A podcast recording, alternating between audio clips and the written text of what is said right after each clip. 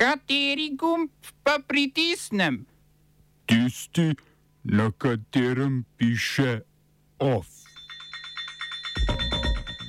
Stavkovni dan v Veliki Britaniji. Vesna Vukovič v pol leta od novinarke do generalne sekretarke Gibanja Svoboda.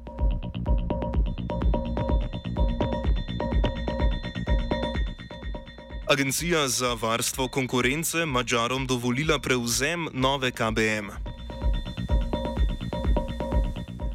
Vse slovenski protest inicijative Glas upokojencev Slovenije.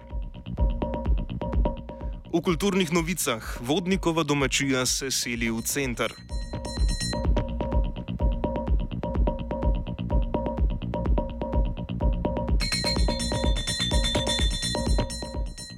Agencija za varstvo konkurence je mađarski banki OTP izdala soglasje za prevzem nove kreditne banke Maribor, krajše NKBM. S tem je OTP izpolnila vse pogoje za prevzem. Štiripetinski delež NKBM je leta 2015 od države za okrog četrt milijarde evrov prevzel ameriški sklad Apollo, petino pa je prevzela Evropska banka za obnovo in razvoj. Neuradno bo OTP za prevzem polnega lastništva NKBM plačala okrog milijardo evrov. Medtem je NKBM od države kupila še A-banko. OTP si pri nas že lasti banko SKB, s katero se bo po prevzemu združila NKBM. OTP bo tako na slovenskem bančnem trgu zauzela okrog 30-odstotni tržni delež.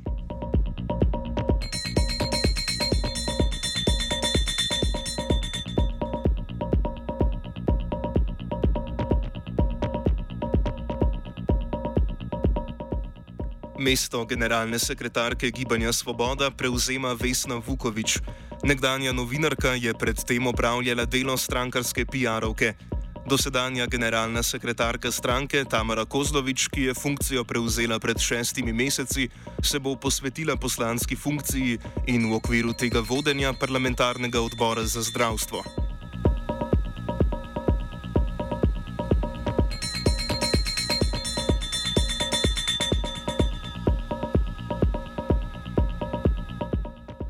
Višjih plač si želijo tudi zaposleni na finančni upravi Republike Slovenije, krajše FURS. Oblikovali so več zahtev, med drugim želijo aktivno sodelovati pri prenovi plačnega sistema, do takrat pa naj ostane v veljavi zdajšnji sistem brez ločenih dogovorov. Ko bodo za predlog plačnega sistema potekala usklajevanja, želijo pri tem sodelovati. Če pa bo pred naslednjim letom vlada ugodila zahtevam katerekoli skupine zaposlenih v javnem sektorju s takojšnjim učinkom, zaposleni na Fursu zahtevajo mesečno izplačilo 600 evrov. Vlada je sicer že sprejela predlog zakona, po katerem bo 600 evrov izrednega dodatka namenila sodnim uslužbencem.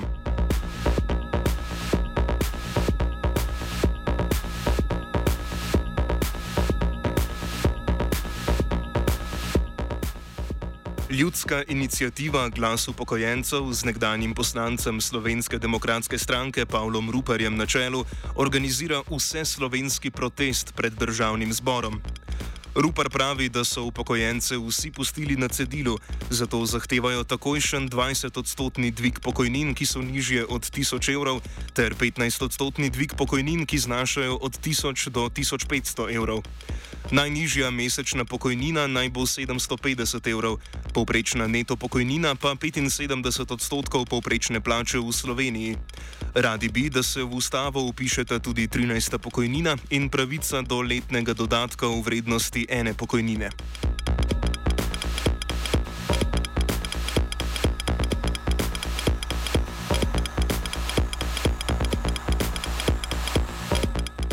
Še k drugi raboti Slovenske demokratske stranke. Ustavno sodišče je zavrnilo pobudo Vilija Kovačiča glede ustavnosti zakona o lokalnih volitvah. To je vložil potem, ko je upravno sodišče zavrnilo njegovo pritožbo z operizit lokalnih volitev leta 2018 v Ljubljani, na katerih sta so pritožnikom Tomažem Ogrinom oba kandidirala. Po oceni ustavnega sodišča Kovačičeva pobuda ne odpira pomembnih ustavno-pravnih vprašanj, do katerih se še ne bi opredelilo. Na upravnem sodišču sta sicer pritožnika izpeljala zakon, izpodbijala se upravičujem zakon o lokalnih volitvah, ker ta ne vsebuje določbe, da mora upravno sodišče izvesti javno in ustno obravnavo v primeru volilnega spora.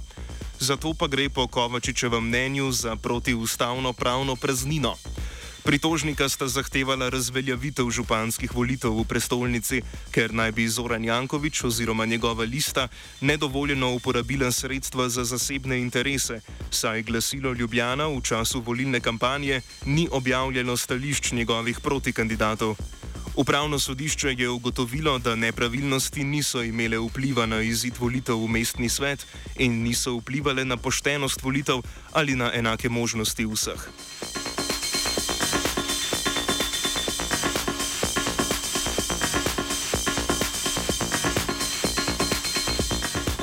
Pregled novic nadaljujemo v tujini.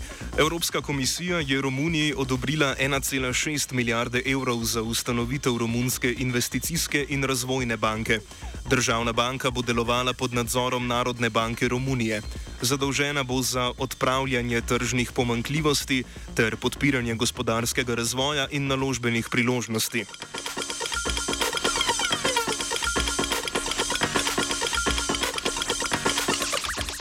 Turčija in Južna Koreja sta podpisali sporazum o dobavi delov za proizvodnjo bojnih tankov.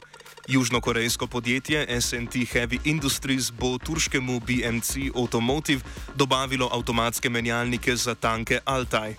Do leta 2030 naj bi dobavili menjalnike za proizvodnjo tisoč novih tankov, vrednost posla presega 200 milijonov evrov.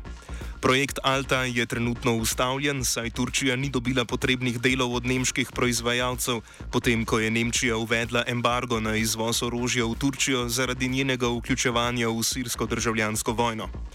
Lani so Južni Korejci in Turki dosegli dogovor o dobavi motorjev za tanke, ki naj bi jih turško podjetje tudi že uspelo integrirati v nov tank.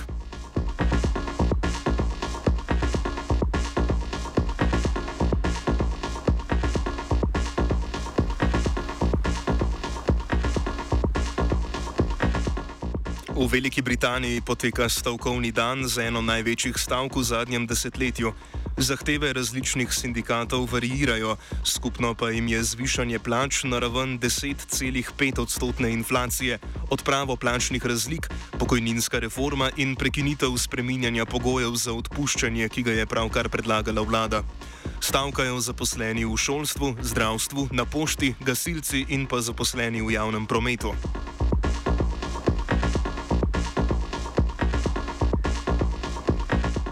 Stavkovni dan je včeraj potekal tudi v Franciji. Generalna stavka je potekala proti vladni pokojninski reformi, s katero bi se do leta 2030 upokojitvena starostna meja dvignila z 62 na 64 let. Hkrati bi se minimalna delovna doba za polno pokojnino podaljšala z 42 na 43 let. Zbralo se je več kot milijon in četrt stavkajočih zaposlenih v javnem prometu, učiteljev v osnovnih in srednjih šolah ter med drugim tudi zaposlenih v naftni industriji. OF je pripravila Zala.